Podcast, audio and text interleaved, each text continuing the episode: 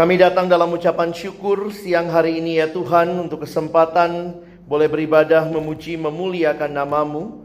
Terima kasih karena Engkau Allah kami yang hidup, Allah yang berdaulat atas kehidupan kami. Seperti pujian yang kami nyanyikan, Engkaulah Tuhan, Engkaulah Raja, dan Engkau berdaulat di dalam ke seluruh kehidupan kami. Kami menyerahkan waktu ini ya Tuhan, ketika sama-sama kami akan kembali membuka firman-Mu. Kami mohon ya Tuhan, bukalah juga hati kami. Jadikanlah hati kami seperti tanah yang baik, supaya ketika benih firman Tuhan ditaburkan, itu boleh sungguh-sungguh berakar, bertumbuh, dan juga berbuah nyata di dalam kehidupan kami. Berkati baik hambamu yang menyampaikan firman, setiap kami yang mendengarkan firman, ya Tuhan tolonglah kami semua, agar kami bukan hanya menjadi pendengar-pendengar firman yang setia, tapi mampukan kami dengan kuasa dari rohmu yang kudus. Kami dimampukan menjadi pelaku-pelaku firman-Mu di dalam kehidupan kami.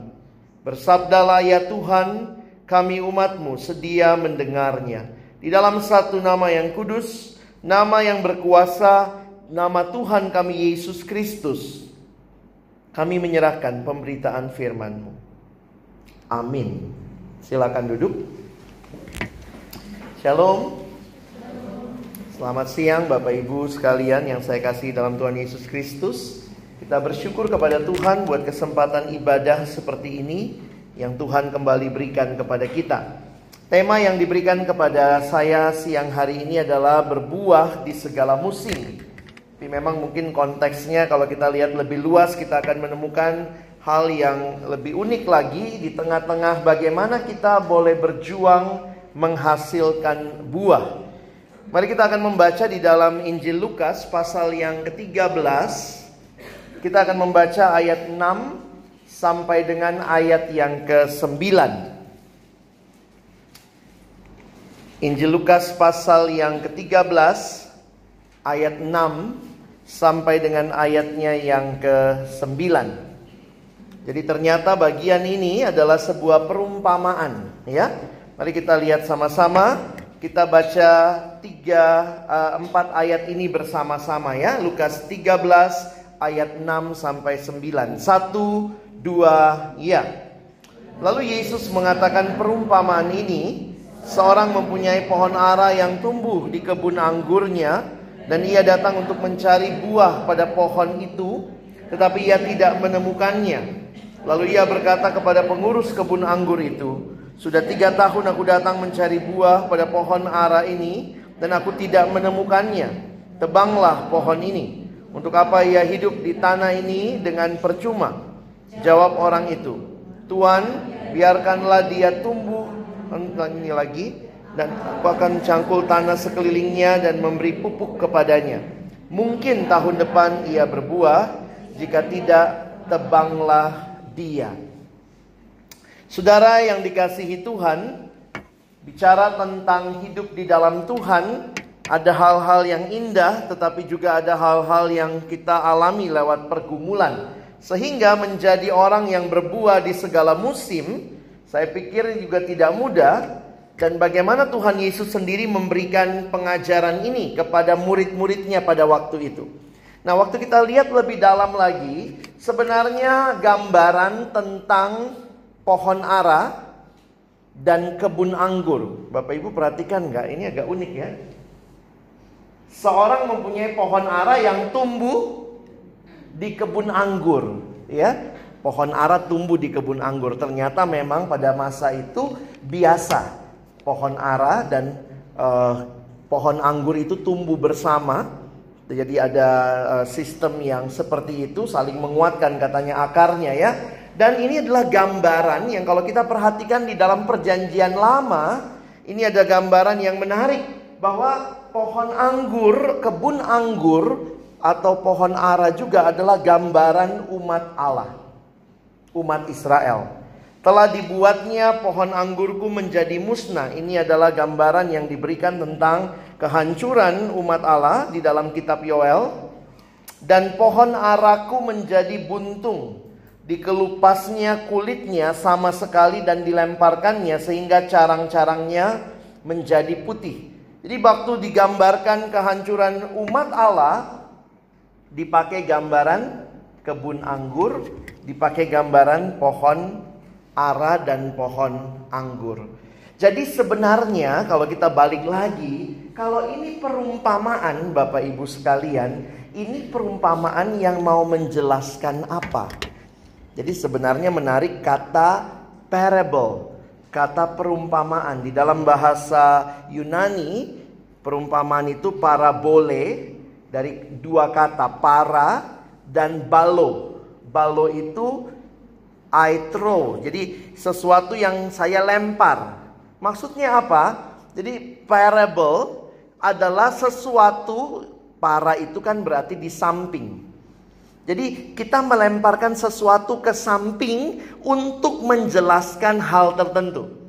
Jadi kalau kayak kita memberikan misalnya ini ada mic, saya taruh ini di sampingnya saya berikan parable untuk menjelaskan mic ini. Kira-kira begitu.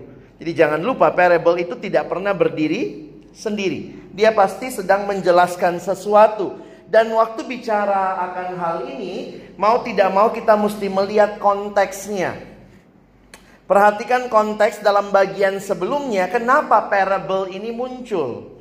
Nah, konteks bagian sebelumnya mau tidak mau kita harus baca dari ayat 1 sampai dengan ayat yang kelima.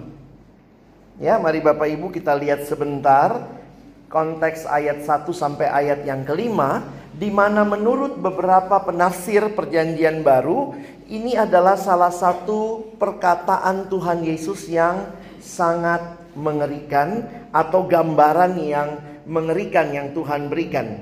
Mari kita baca bergantian. Saya baca ayat 1, Bapak Ibu sekalian baca ayat 2, kita bergantian sampai ayat 5. Pada waktu itu datanglah Yesus kepada Yesus beberapa orang membawa kabar tentang orang-orang Galilea yang darahnya dicampurkan Pilatus dengan darah korban yang mereka persembahkan.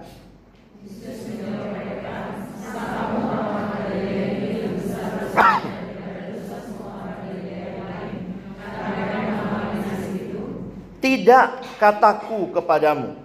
Tetapi jikalau kamu tidak bertobat, kamu semua akan binasa atas cara demikian.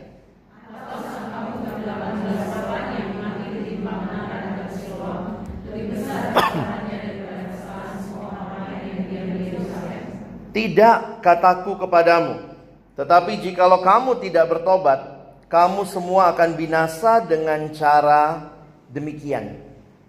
Apa konteksnya bagian ini? Kalau Bapak Ibu perhatikan, sebenarnya ini adalah sebuah panggilan pertobatan bagi Israel secara umum dan secara khusus pada waktu itu karena Yesus sedang bersama dengan murid-muridnya. Sehingga kalau kita perhatikan, apa sih yang sering yang perlu kita perhatikan dari mana kita bisa simpulkan ini panggilan pertobatan. Bapak Ibu coba perhatikan yang saya buat dengan warna merah di atas. Dua kali Yesus mengatakan kalimat yang sama. Tidak kataku kepadamu, tetapi jikalau kamu tidak bertobat. Jadi waktu saya coba merenungkan, parable itu artinya kaitannya dengan panggilan pertobatan. Nah, coba kita lihat sebentar. Apa sih masalahnya di dalam pertobatan sehingga kayaknya orang itu enggan, sulit, nggak mau bertobat? Ya, Bapak Ibu kita lihat yang pertama dulu. Masalah kita, saya langsung bilang gitu aja ya. Masalah kita sering kali dalam pertobatan kenapa sulit untuk langsung bertobat, sadar atau kita me, mem, apa ya, langsung mengakui dosa? Yang pertama itu ini. Karena kita sering kali menganggap diri kita benar. Kita menganggap diri kita benar karena kita lagi bandingkan diri kita sama orang orang lain. Sebenarnya kalau kita harusnya bandingkan diri di hadapan Tuhan ya. Kalau sama orang lain kita suka merasa diri lebih benar. Saudara perhatikan ini kalimat yang sering kali muncul. It won't happen to me because I am not as bad as some other people. Ya enggak lah, saya enggak begitu gitu ya. Lihat sebentar di perumpamaan, ah, sorry, di pengajaran Yesus tadi. Sekarang saya ganti yang warnanya biru. Bapak Ibu perhatikan pada waktu itu ada dua peristiwa yang Yesus atau orang datang pada Yesus. Yang pertama cerita tentang ada orang yang oleh Pilatus, jadi Pilatus memang terkenal sangat kejam. Pada waktu itu dikatakan uh, orang-orang Galilea yang darahnya dicampurkan Pilatus dengan darah korban yang mereka persembahkan. Kita tidak tahu persis peristiwanya apa, tapi ini sebuah peristiwa yang pasti jadi berita hangat pada waktu itu. Kejam sekali Pilatus, dia melakukan demikian, tetapi sering kali waktu orang dengar peristiwa semacam ini, yang muncul di benak kita adalah apa? Pasti mereka juga hidupnya ngeri banget, begitu ya ada self righteous. Makanya Tuhan Yesus lihat kalimat Yesus. Sang kamu orang-orang Galilea ini lebih besar dosanya daripada dosa semua orang Galilea yang lain.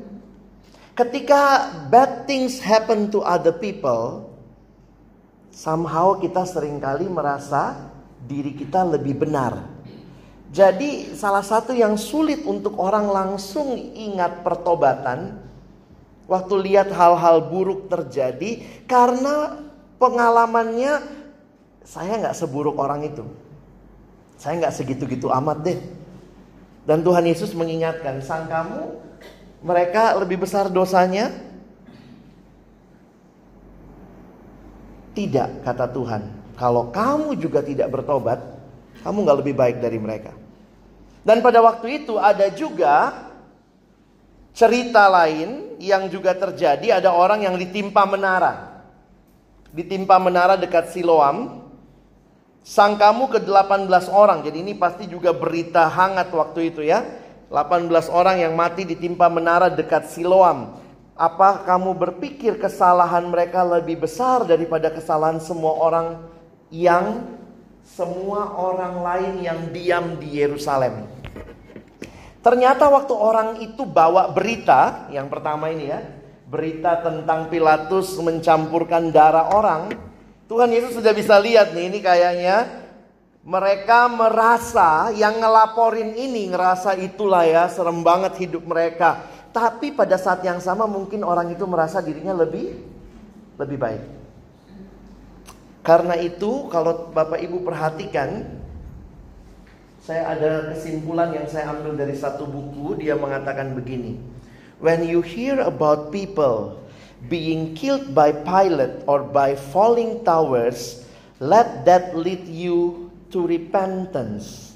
Do not look at them and think, ini yang kadang-kadang terjadi, they must be worst kind of sinners. Instead, think, because of my sin, I deserve a fate worse than that. Kita yang dalam dosa sebenarnya bisa lebih mengerikan. Karena apa? Ya memang upah dosa adalah maut. We uh, because of my sin, I deserve a fate worse than that. Let that thoughts lead you to repentance of your sins. Ini satu cara pandang yang menarik ketika Bapak Ibu Saudara dan saya melihat di dalam hidup ini ada pergumulan orang-orang yang begitu mengerikan. Ingat baik-baik, jangan terlalu cepat menilai, jangan menghakimi, lebih baik kita ingat itu adalah peringatan Tuhan supaya kita bertobat. Kadang-kadang kita gampang sekali merasa diri lebih baik. Misalnya dengar berita, ya tuh gila tuh anaknya hamil di luar nikah. Iya sih, nggak bener hidupnya selama ini. Sebenarnya sebaiknya kita berpikirnya ketimbang menghakimi, kita mengoreksi diri kita. Kalau bukan karena karunia Tuhan, saya nggak lebih baik dari dia. Kadang-kadang kita lupa. Hanya orang yang sadar betul akan anugerah Tuhan, akan punya kerendahan hati, untuk melihat dan mengakui. Tetapi orang yang sombong akan selalu merasa karena saya lebih baik, saya nggak ngalamin itu. Jadi yang pertama ini ya, self righteous. Tuhan Yesus sudah lihat kecenderungan muridnya, langsung dia bilang, Jangan pikir dosa mereka yang mati begitu mengenaskan itu sangat luar biasa. Kamu pun harusnya bertobat. Yang kedua, masalah kita dalam pertobatan adalah sering kali menunda-nunda. Apa yang dimaksud dengan menunda-nunda?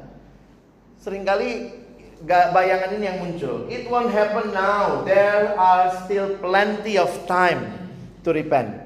Udahlah nanti ajalah. Masih enak kok. Udah nanti aja deh gitu ya. Dan sebenarnya kalau kita perhatikan itulah inti dari perumpamaan yang diberikan oleh Tuhan Yesus. Jadi pengajaran ayat 1 sampai 5 memberikan gambaran betapa pentingnya pertobatan, jangan menganggap diri lebih baik dari orang lain. Bagian yang kedua, perumpamaan ini sedang menegaskan kepada kita bahwa sekaranglah waktunya. Bapak Ibu Saudara yang dikasihi Tuhan, orang yang tanda kutip darahnya dicampurkan oleh Pilatus itu, itu pasti nggak tahu ya, tiba-tiba mati aja begitu. Yang ketimpa menara apalagi gitu ya nggak ada yang prepare. Jadi sebenarnya kalau kita lihat cerita yang di atas bahwa yang namanya hidup itu mati bisa kapan aja. Tapi Tuhan mau kita bertobat sekarang. Tapi bagaimana dengan perumpamaan ini? Seolah-olah ada waktu yang diberikan. Kalau kita perhatikan ya, ada yang memohon di situ. Jawab orang itu yang jaga ya Tuhan biarkanlah dia tumbuh tahun ini lagi Aku akan mencangkul tanah sekelilingnya dan memberi pupuk kepadanya. Mungkin tahun depan ia berbuah. Jika tidak, tebanglah dia. Ada permohonan, kasih perpanjangan waktu. Ternyata memang kebiasaannya di tahun yang ketiga sebenarnya dari ditanam itu pohon ara sudah harusnya berbuah. Ini belum. Dikasih lagi perpanjangan waktu. Apa yang kita lihat di sini? Bapak Ibu yang kita lihat di sini adalah ini gambaran dari kasih Allah yang besar dan juga kesabaran Allah. This is a picture of God's great love and patience. Maksudnya apa? Di dalam Alkitab ada dua tempat paling tidak, dua rasul besar bicara tentang mengapa Allah belum menghukum sekarang. Dan dua-duanya bicara tentang patience of God. Kita lihat yang pertama, Rasul Petrus. Tuhan tidak lalai menepati janjinya. Kalau kita mengerti konteks dua Petrus, ada yang bilang katanya Tuhan bilang mau datang. Mana kok nggak datang-datang? Sehingga Rasul Petrus mengatakan Tuhan tidak lalai menepati janjinya. Sekalipun ada orang yang menanggapnya sebagai kelalaian tetapi ia sabar terhadap kamu. Karena ia menghendaki supaya jangan ada yang binasa. Melainkan supaya semua orang berbalik dan bertobat. Bapak ibu perhatikan kalimat ini. Tujuan Allah memberi waktu kepada kita. Adalah supaya kita berbalik dan bertobat. Rasul Paulus mengatakan kalimat yang mirip di dalam Roma 2 ayat 4. Mari kita baca sama-sama. Satu dua ya. Maukah engkau menganggap sepi kekayaan kemurahannya, kesabarannya dan kelapangan hatinya? Tidakkah engkau tahu bahwa maksud kemurahan Allah ialah menuntun engkau kepada pertobatan? Sama Bapak Ibu ya. Saya kadang-kadang kalau mikir ngomong begini ya, mungkin kalau kita ngomong sama siswa gampang ya, ayo lu tobat sekarang. Makanya kalau di sekolah ini dari anak masuk juga ya udah langsung diperkenalkan Kristus, ada retret, ada KKR, pokoknya anak harus kenal Tuhan. Bukan nanti, tapi sekarang. Seringkali kita merasa kayaknya masih banyak waktu. Tapi Tuhan mau kita kembali mengingat This is the time. Kalau kayaknya Tuhan masih kasih waktu, itu bukan waktu untuk terus hidup di dalam dosa. itu waktu untuk kembali kepada Tuhan. Karena kita tidak tahu kapan saatnya. Sama seperti orang itu nggak pernah prediksi menara Siloam itu jatuh kepada mereka. Nah Bapak Ibu yang dikasihi Tuhan, ini menjadi satu peringatan penting. Yesus tidak semuanya ngajarnya indah, berkat ya. Tapi bagian ini Yesus mengatakan kalimat-kalimat yang sangat tegas. Jangan anggap dirimu lebih, lebih benar dari yang lain. Dosa harus bertobat. Dan engkau dan saya tidak lebih baik dari yang lain. Dan yang kedua kita diingatkan, waktunya itu sekarang. Jadi waktu saya coba menghayati, jadi kalau yang namanya berbuah sepanjang musim itu artinya orang yang terus menerus sadar dengan anugerah Allah. Orang yang tidak berlambat-lambat waktu dia sedang jatuh di dalam dosa. Saya banyak melayani anak SMA, remaja. Kadang-kadang kalau nolong yang sedang dalam pergumulan tuh kayak kita juga jadi ikut begitu ke dalamnya lama. Kayaknya ayo dong tinggalkan dosa sekarang begitu ya. Tapi ternyata juga itu bukan cuma anak SMA, anak SMP ya. Tapi mungkin kita juga. Mau nggak putus kontrak dengan semua kenajisan? Kadang-kadang nggak gampang. Seorang teman ketika dia baru jadi alumni, ini kisah beberapa tahun lalu kontak saya. Lalu kemudian karena dia masih single, dia bilang, Kalex tolongin saya, doain saya. Kenapa? Saya lagi cinlok. Ya, cinta lokasi. Kenapa dia cinlok? Karena ada satu bos atasan dia tuh masuk ke kantor lalu ternyata mereka deket tuh kayaknya kerjanya di settingan pabrik begitu lalu mereka yang di kantor dan kemudian uh, bapak ini mulai perhatikan teman saya ini wanita perempuan. Jadi menikmati perhatian bapak ini. Terus menikmati perhatiannya gitu ya. Kalau siang makan siang bareng sebulan di kantor bersama kedekatan terjadi.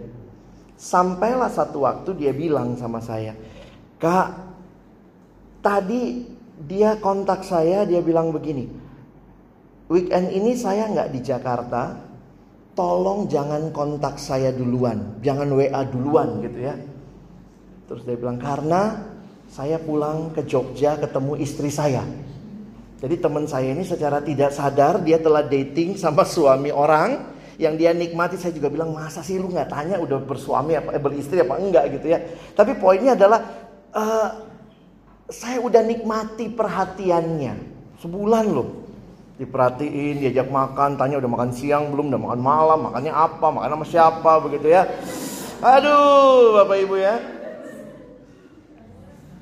jadi waktu dia kontak saya dia minta tolong doain saya juga bingung saya mau doain apa sama kamu doain supaya dia mati. Karena kamu juga pengen perhatiannya gitu. Saya tersiksa kak. Saya lagi tersiksa ini. Karena biasanya jam segini dia WA. Hmm. Gampang kan sebenarnya jawabnya ya. Tapi dilakukannya sulit. Stop. Saya bilang hapus WA-nya kalau perlu. Tapi dia bos saya nanti dia ya, itu mah alasan juga sih ya. Bilang aja kalau bapak mau kontak tunggu di kantor ini ya. Karena apa? Karena hatinya udah mulai melekat begitu ya. Sehingga gimana sekarang? Kapan tobatnya? Sekarang. Itu suami orang. Stop now. Tapi, nah kita suka gitu kan? Suami orang tapi dia yang duluan mulai. Terus kalau dia yang duluan mulai kita yang nikmati. Sama aja kan? Kadang-kadang sama saya bilang, kita bilang sama orang lain, ayo anak-anak tobat sekarang. Tapi waktu kita alami pergumulan yang kita nikmati, yang kita sudah tahu itu salah, itu dosa, bertobat itu nggak gampang Bapak Ibu. Kita sampai ngomong, saya kan belum sampai ambil suami orang. I'm righteous, saya lebih benar. Tapi itu udah benihnya udah di situ Bapak Ibu ya. Selingkuh itu kan sepelempar batu dari flirting ya. Kadang-kadang gitu, ya cuma selingkuh, selingan indah keluarga utuh. Ya ampun gitu ya. Kadang-kadang memang Bapak Ibu ya, kita tuh gampang. Kita paling pintar merasionalisasikan dosa. Bahkan kita perhalus kata selingkuh juga kan terlalu halus itu ya. Apa kata Alkitab selingkuh? Berzina. Ih dia berzina, enggak ah itu kalau kalau selingkuh kayaknya lebih netral, dia cuma selingkuh kok. Eh itu zina Bapak Ibu gitu ya. Jadi ini saya cuma kasih contoh gitu ya. Kadang-kadang kita membimbing anak remaja, tinggalkan, hapus pornografinya. Masa gitu aja nggak bisa? Mungkin kalau anaknya balikin, emang ibu bapak bisa tinggalin yang bapak ibu lagi nikmati sekarang? Mau berbuah di sepanjang musim? Kuncinya taat kok. Taat itu berarti berani berkata ya kepada yang ya, tidak kepada yang tidak. Hati-hati kita melihat orang lain lebih sulit taat padahal pada saat yang sama kita sedang berjuang untuk taat sama hal-hal yang mungkin sangat kecil. Sangat sederhana. Nggak mudah. Saya pikir kebaktian di sekolah ini bukan cuma buat siswa ya, tapi juga buat bapak ibu guru, karyawan. Kenapa? Kita nggak lebih baik dari anak-anak kita kok. Sama. Kalau bukan anugerah Tuhan, kita mungkin lebih bejat dari mereka. Mereka masih anak kecil, tahunya dikit. Orang kan makin tambah pengetahuan, dosanya juga makin gede ya maaf kata ya, kita jadi ngerti hal-hal yang bisa dilakukan karena kita makin punya pengalaman. Orang bisa bikin pembukuan ganda karena dia ngerti keuangan. Mungkin dia lulusan S1, S2 keuangan. Kalau dia cuma lulusan TK, dosa maksimalnya apa? Sorry ya, saya lulusan TK gitu ya. Maaf kayak Bapak Ibu. Ya. Nanti ya paling dosanya masuknya itu yang di pos kota itu ya. E, nyolek anak tetangga, uh, mukulin Pak RT, yang gitu-gitu tuh. Jadi kalau dosanya eh, pendidikannya rendah, dosanya potensi dosanya sedikit. Dia nggak mungkin tuh ya membobol bank. Saya baca waktu itu ada berita ya, ada orang yang bobol kartu kredit orang.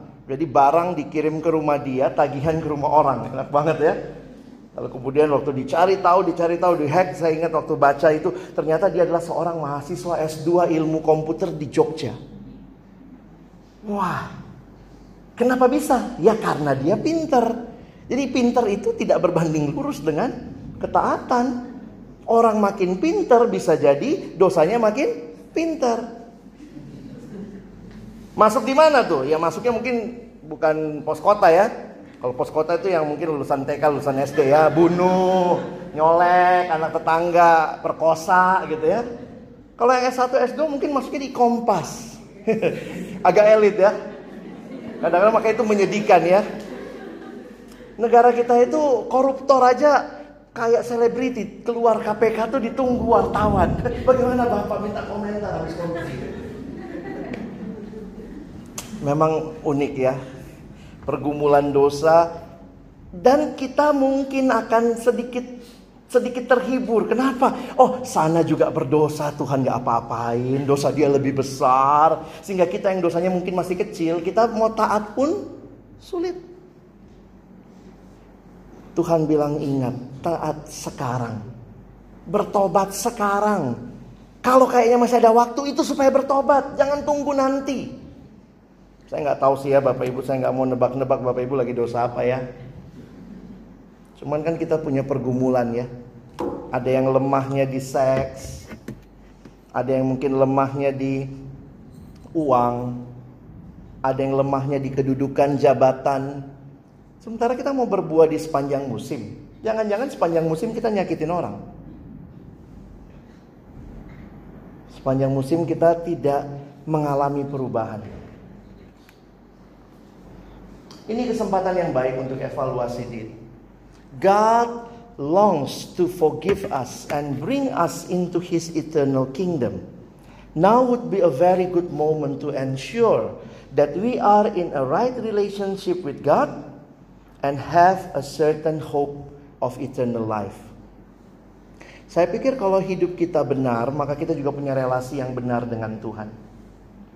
Gak mudah Bapak Ibu ya. Kadang-kadang saya suka bilang sama remaja, udah uninstall itu. Kalau itu aplikasi-aplikasi yang buat kamu jatuh dalam dosa, uninstall. Tapi kalau ada di HP saya, saya juga masih mikir-mikir uninstallnya gitu ya. Kalau drama Korea itu bikin kita nggak konsen, mungkin perlu di uninstall. Tapi Pak, oh ya silahkan ya, Tidak ada yang salah dengan nonton drama Korea. Salahnya adalah ketika sudah addicted, addiction ya. Udah ter, terhisap begitu rupa sampai kayaknya segala-galanya itu.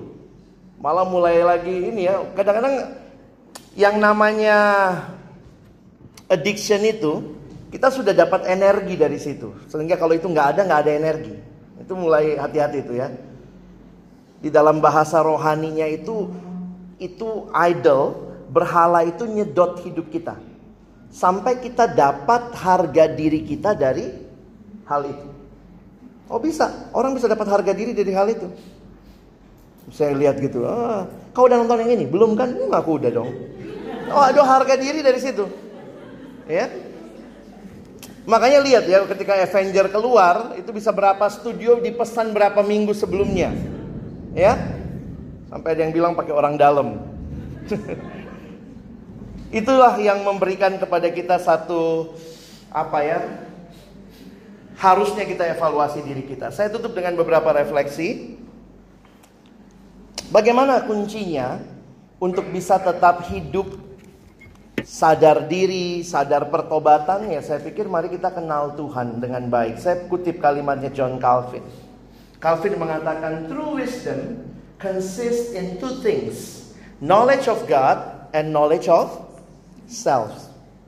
Bagaimana kita kenal diri kita dan kita kenal Tuhan. Jadi Bapak Ibu yang berhikmat, bijaksana adalah orang yang kenal Tuhan dan kenal dirinya.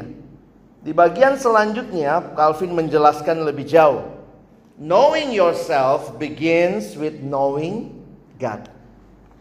Mau tahu bagaimana diri kita? Ya tanya sama penciptanya. Kalau hati kita rusak, jangan bawa ke tempat-tempat yang aneh, bawa ke penciptanya, ya. Coba kalau yang rusak HP Samsung masa bawanya ke Oppo. Oppo meneh. ya. Ya bawanya ke Samsung juga gitu. Kalau yang rusak adalah hati kita, bawanya sama Tuhan gitu ya. Dan ternyata menarik ya, makin kenal Tuhan kita makin kenal diri. Dan itu saya pikir kunci yang penting dalam kehidupan. Kita perlu kenal, pengenalan yang seperti apa? Pengenalan yang dalam, yang lebih dari sekedar pengetahuan.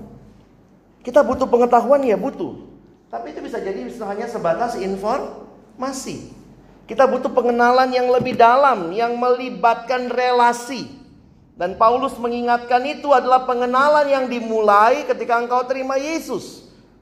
Filipi pasal 3 ayat 8 9. Bapak Ibu bisa bedain ya, informasi sama relasi. Saya kasih contoh begini ya. Ini contoh aja ya. Coba Bapak Ibu pilih dari dua kalimat yang saya kasih. Kalimat pertama begini.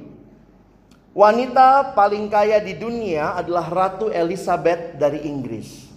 Ini kalimat pertama. Kalimat kedua, Wanita paling kaya di dunia adalah Ratu Elizabeth dari Inggris dan dia memberikan semua kekayaannya kepada saya. Bapak Ibu lebih suka kalimat yang mana? Pertama apa kedua? Hah? Kedua ya. Dasar matre. Kenapa? Kalimat pertama isinya cuma informasi. Ada wanita paling kaya. Oh ya sudah. Kalimat kedua melibatkan relasi. Relasi yang tentunya mengubahkan, relasi yang membaharui. Sehingga pertanyaannya kalau kita betul mengalami relasi dengan Tuhan, adakah pembaharuan yang kita alami? Ada ketaatan yang lebih tanggap. Ada pertobatan yang murni. Bukan pertobatan seperti ada yang tobatnya gitu ya. Katanya tomat namanya, tobat kumat. Jadi habis tobat kumat lagi, habis tobat kumat lagi. Jadi suka bilang gini, Tuhan kalau begini begini begini saya baru mau. Jadi kayaknya sama Tuhan bargaining terus gitu ya. Tuhan udah kasih semuanya loh buat kita. Jadi kita punya relasi yang hidup. Relasi yang sungguh-sungguh melibatkan seluruh hidup kita, bukan sekedar informasi. Bapak Ibu tahu bedanya uh, emang tahu sama kenal itu bisa beda ya. Mana yang lebih dalam, tahu apa kenal? Kenal ya. Bapak Ibu tahu uh, Presiden Indonesia yang wanita? Siapa? Megawati. Tahu ya? Kenal? Tahu. Tapi kenal? Enggak ya. Oh banyak hal Tuhan kita kita tahu apa kenal ya? Itu jadi pertanyaan tuh. Jangan-jangan kita cuma tahu. Kalau ujian agama sih bisa dapat 10 tuh. Karena tahu semua. Yesus lahir di Bethlehem. Yesus lahir di kandang domba. Yesus uh, mamanya Maria, papanya Yusuf. Tapi itu cuma pengetahuan. Tidak ada pengenalan. Makanya kita mesti lebih dalam. Apalagi bagi kita, Bapak Ibu yang mengajar, saya pikir kalau Bapak Ibu tidak kenal Tuhan, jangan mimpi memperkenalkan Tuhan ke anak-anak. Bapak Ibu hanya akan mempermalukan Tuhan. Oh, Bapak itu begitu ya? Kok nggak berubah hidupnya ya? Ada orang yang senang dikenal jutek. Saya juga suka bingung gitu. Paling senang kalau dia dapat julukan itu paling jutek tuh di sini. Saya pernah datang ke satu rumah sakit biasalah ya kalau perawat-perawat yang jutek tuh ketahuan ya. Ada yang yang udah agak tua-tua gitu ya. Terus jutek sendiri jalan gitu ya. Terus bangga lagi. I'm the Jutekes nurse here. Jutekes gitu ya. Saya pikir loh kalau kamu kenal Tuhan harusnya berubah loh. Bapak Ibu jangan senang loh dikenal sebagai orang yang paling jutek, paling ngeselin. Mesti evaluasi diri. Kalau yang ngomong satu oke okay lah, kalau yang ngomong sepuluh. Pemulutnya mau diplester, mungkin sikap kita yang diubah. Berarti itu udah tidak pas. Gitu ya. Jadi ini dimulai dari mana ya? Dari pengenalan akan Tuhan. Seorang bernama Dawson Trotman memberikan gambar ini. Dia memberikan gambar ini dengan nama ilustrasi roda. Dawson Trotman mengatakan sebagaimana roda yang mutar itu porosnya. Di pusat hidup harus ada Kristus. Mari buka hati terima Yesus dalam hidup kita. Sesudah itu ada dua jari-jari yang dia gambarkan. Satu jari-jari yang vertikal, hubungan dengan Tuhan. Satu jari-jari yang hori, Sontal. Hubungan dengan Tuhan. Saya bicara sama Tuhan namanya doa. Tuhan bicara kepada kita melalui firman. Tapi juga ada relasi yang horizontal. Dia bagi dua. Satu yang ke dalam. Sesama orang percaya kita harus rajin bersekutu. Dan bagi orang yang tidak percaya di luar kita harus rajin bersaksi. Jadi ini gambaran kehidupan Kristen yang utuh. Mengenal Tuhan, saya pikir akan membawa perubahan dalam relasi dengan Tuhan dan juga relasi dengan sesama. Dan itulah yang memastikan ya, saya pikir dari sekolah minggu Bapak Ibu kita udah diajarin ya. Bagaimana bertumbuh adik-adik? Baca kitab suci, doa tiap hari kalau mau tumbuh. Jangan-jangan lagu kita udah mesti diganti tidak baca kitab suci, tidak doa tiap hari.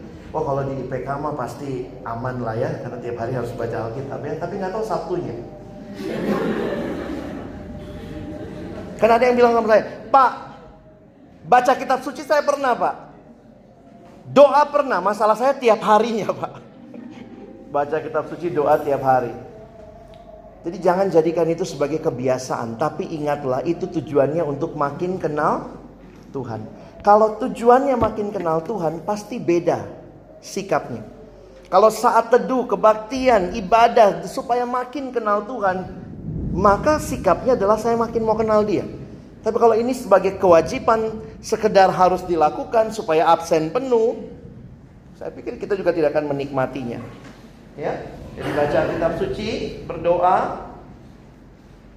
Inilah yang memberikan pertumbuhan kepada kita sehingga kita bisa berbuah dalam Kristus. Dan akhirnya kita juga bukan hanya berbuah bagi diri kita sendiri. Buah yang pertama Bapak Ibu jangan lupa ya, di Alkitab sebenarnya buah yang pertama itu terjadi dalam diri. Jadi jangan bicara prestasi kerja dulu. Itu nomor dua sebenarnya dalam Alkitab. Buah yang pertama dan terutama adalah perubahan diri karena roh kudus. Karena itu namanya buah roh. Itu hanya mungkin terjadi kalau Roh Kudus diam di dalam kita, baru saya bisa melakukan buah itu. Makanya namanya buahnya Roh Kudus. Itu bukan buahnya saya, bukan buahnya Bapak Ibu, tapi buah kehadiran Roh Kudus yang diam dalam diri kita. Maka saya yang tidak, saya yang sulit mengasihi bisa mengasihi, karena buah Roh adalah kasih sukacita. Jadi waktu saya pelajari tentang buah di Alkitab, pertama dan terutama dalam diri kita. Baru yang kedua bagi orang lain.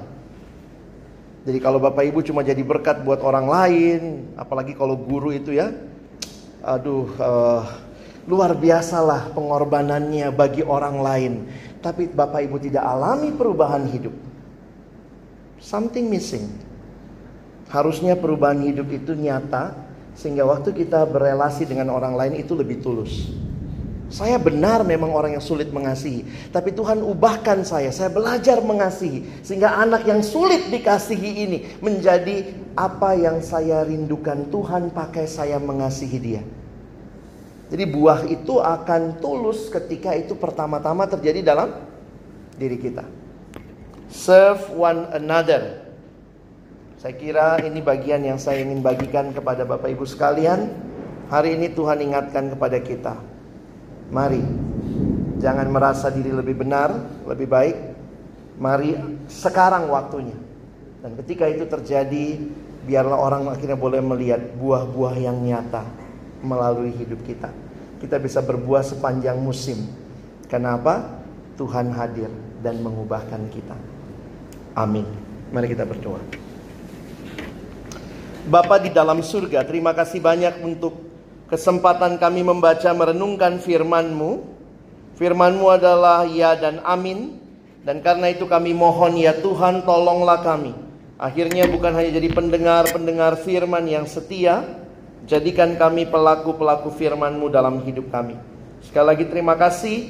Biarlah kami semua melalui kehadiran kami. Tuhan berkarya di tengah-tengah institusi pendidikan di tempat ini sebagai kesempatan kami pun akhirnya jadi berkat buat banyak siswa yang kami layani di tempat ini.